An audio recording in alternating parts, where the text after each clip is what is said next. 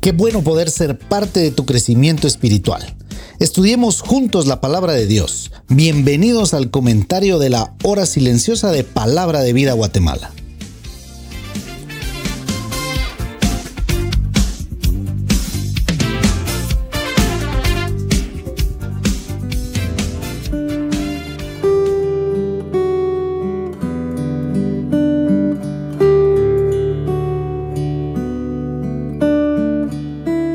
Es una bendición llegar a la intimidad de tu hogar este día con el comentario de la hora silenciosa de Palabra de Vida Guatemala.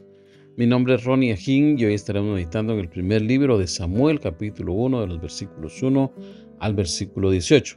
La palabra del Señor dice así: Hubo un varón de Ramataim de Sofín, del monte de Efraín, que se llamaba Elcana, hijo de Jeroam, hijo de Liu, hijo de Tohu, hijo de Suf, Efrateo.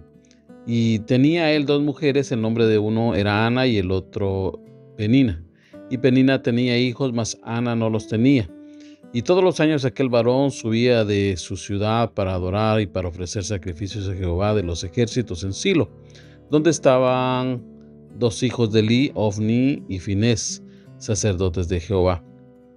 Y cuando llegaba el día en que el can ofrecía sacrificio, daba a Penina a su mujer y a todos sus hijos y a todas sus hijas y a cada uno su parte. Pero a Ana daba una parte escogida, porque amaba a Ana, aunque Jehová no le había concedido tener hijos. Y su rival la irritaba, enojándola, entristeciéndola, porque Jehová no le había concedido tener hijos. Así hacía cada año. Cuando subió a la casa de Jehová, la irritaba Así por lo cual Ana lloraba y no comía. Y el cana su marido le dijo, Ana, ¿por qué lloras? ¿Por qué no comes? ¿Y por qué está afligido tu corazón? ¿No te soy yo mejor que diez hijos? Y se levantó Ana después que hubo comido y bebido en Silo, y mientras el sacerdote Elí estaba sentado en una silla junto a un pilar del templo de Jehová, ella con amargura de alma oró a Jehová y lloró abundantemente. E hizo voto diciendo, Jehová de los ejércitos, si te dignares mirar a la aflicción de tu sierva, y te acordares de mí, y no te olvidares de tu sierva, sino que dieres a tu sierva un hijo varón, yo lo dedicaré a Jehová todos los días de su vida, y no pasará navaja sobre su cabeza. Mientras ella oraba largamente delante de Jehová, Elí estaba observando la boca de ella, pero Ana hablaba en su corazón y solamente se movían sus labios y su voz no se oía. Y Elí la tuvo por ebria. Entonces le dijo Elí, ¿hasta cuándo estarás ebria? Digiere tu vino. Y Ana le respondió diciendo, No, Señor mío, yo soy una mujer atribulada de espíritu, no he bebido vino ni sidra, sino que he derramado mi alma delante de Jehová. No tenga a su sierva por una mujer impía, porque por la magnitud de mis congojas y de mis aflicciones he hablado hasta ahora. Él respondió y dijo, ve en paz y el Dios de Israel te otorgue la petición que le has hecho. Y ella dijo, halle tu sierva gracia delante de tus ojos. Y se fue la mujer por su camino y comió y no estuvo más triste. La verdad que es una emocionante eh, o en un emocionante relato que se da en este pasaje. El Cana era un hombre frateo, nos dice ahí la palabra del Señor, pero este hombre tenía dos esposas, una se llamaba Ana y una Penina. Una de ellas tenía un problema grave que no tenía hijos, era Ana. Penina dice la Biblia que tenía hijos, pero Ana no los tenía. Esta familia subía cada año al templo a adorar. Es curioso, pues la Biblia nos describe que lo hacían de donde estaba Elí, el sacerdote, él ministraba junto a sus hijos Fines. Este tiempo se dice que fue uno de los más difíciles para el pueblo de Israel. La costumbre era subir cada año al templo y en este caso era en Silo. Luego, si tú ves ahí eh, con detenimiento en los siguientes capítulos, te vas a dar cuenta de toda la corrupción que se daba aún dentro de la misma ah, podríamos decir así, dentro del mismo entorno espiritual de aquella nación que estaba padeciendo. Por eso es que se refiere también y habla acerca de los hijos de Eli. Por lo que vemos eh, cuando subían a adorar, el, el Cana daba algunas ofrendas a sus esposas, pero Ana daba una ofrenda especial, pues la Biblia dice que la amaba. En ese tiempo se daba la poligamia, aunque ese nunca ha sido el plan de Dios para el hombre. Quizá por esta situación, dice el verso 6, que su rival la irritaba, la enojaba, la entristecía. Dice el pasaje que a causa de eso Ana lloraba y no comía. ¿Te imaginas ese cuadro triste para aquella mujer? Pues no tenía hijos y aún así su esposo se portaba algo chistoso, ¿no te parece ahí diciéndole que él era mejor que diez hijos? Para él seguramente esta situación era un poco, pues no la lograba entender como Ana. Ana estaba sufriendo. El verso 8 nos dice eh, o nos deja ver una parte del carácter de Elcana. No sabemos si lo hacía por consolarla o era una forma de decirle que era mejor que le tuviera a él o que tuviera 10 hijos, ¿no te parece? Al parecer Ana no le contesta, quizá ya estaba muy, pero muy eh, mal en ese momento. De los versos 9, 10 y 11 nos muestran un cuadro en donde Ana toma una decisión. Una de las actitudes que toma Ana en ese momento fue que se levantó, se dirigió seguramente al lugar en donde se oraba y se dispuso a entregarle todo al Señor. El relato dice que llegó con amargura de alma delante del Señor. Yo no sé si te ha pasado a ti, quizá esta sea una, la oportunidad que estabas esperando. Sabes, el Señor entiende tu corazón Puede que no soportes más cargas o puedas estar pasando por algún valle tenebroso en tu vida, quizá por el pecado o por cualquier otra cosa. Pero sabes, una de las cosas que hizo esta mujer correctamente fue que llegó a Dios en oración. Y sabes, aún lloró. Y yo quiero decirte, mi querido escucha, que si tienes que llorar, pues hazlo delante de la presencia del Señor. El Señor sabe tu necesidad, tu petición, lo que tú sufres, lo que tú vives. Si estás luchando con algo, dáselo al Señor. Esa es la única forma de llegar al Señor.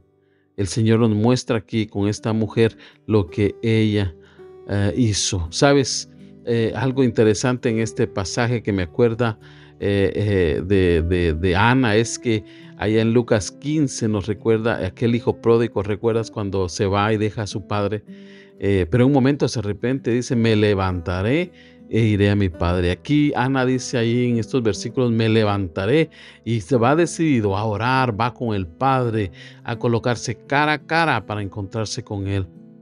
Primera de Pedro 5, 7 dice, echando toda vuestra ansiedad sobre Él, porque Él tiene cuidado de vosotros. Sabes, esta es la mejor oportunidad que tenemos para llegar al Señor. Y dile entonces, Señor, aquí te entrego, yo quiero echar delante de ti esto que vengo cargando.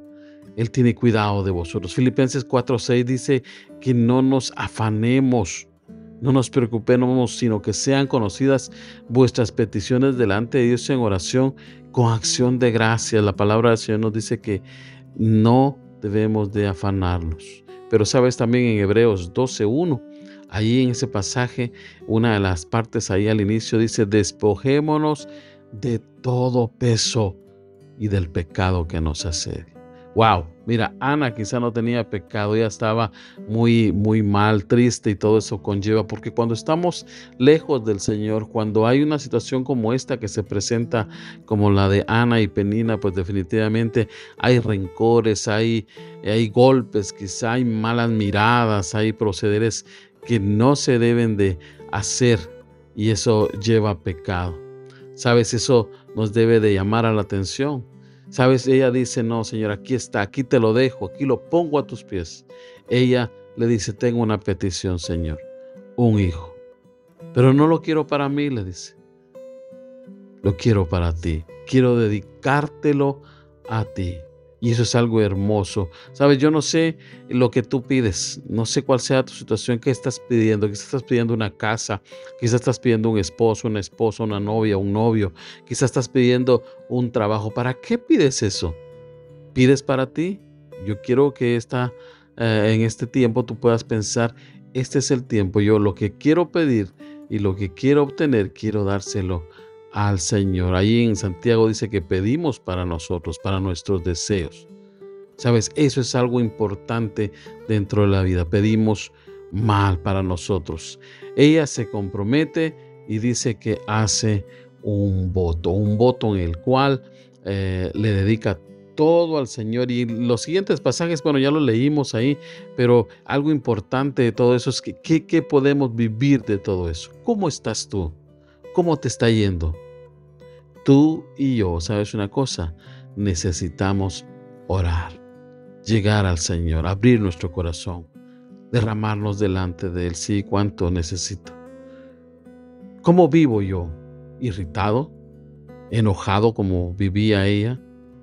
atribulado de espíritu, como dice ahí, sin gozo, dice que no tenía gozo. ¿Sabes? La oración eficaz del justo, dice la Biblia, puede mucho. Y mira, algo interesante, dice que Ana cambió completamente. Vemos el verso 18 que dice que comió y no estuvo más triste. ¿Sabes por qué? Porque ya no estaba cargando nada, le dejó todo al Señor. El Salmo 30, 11, 12 dice, has cambiado mi lamento en baile desataste mi silicio y me ceñiste de alegría. Por tanto a ti cantaré, gloria mía, y no estaré callado. Jehová Dios mío, te alabaré para siempre. Hermosa alabanza que, que nos da ahí un cantautor cristiano también que hace eh, esta canción de alabanza en este Salmo 30, 11 y 12.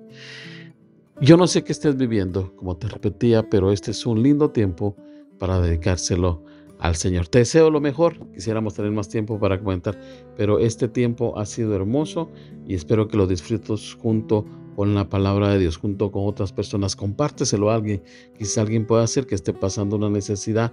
Y mira, este es un bello ejemplo de esta mujer que le da todo al Señor. El Señor quiere también contestarte a ti como lo ha hecho conmigo. Te deseo la mejor de las semanas. Que Dios te bendiga.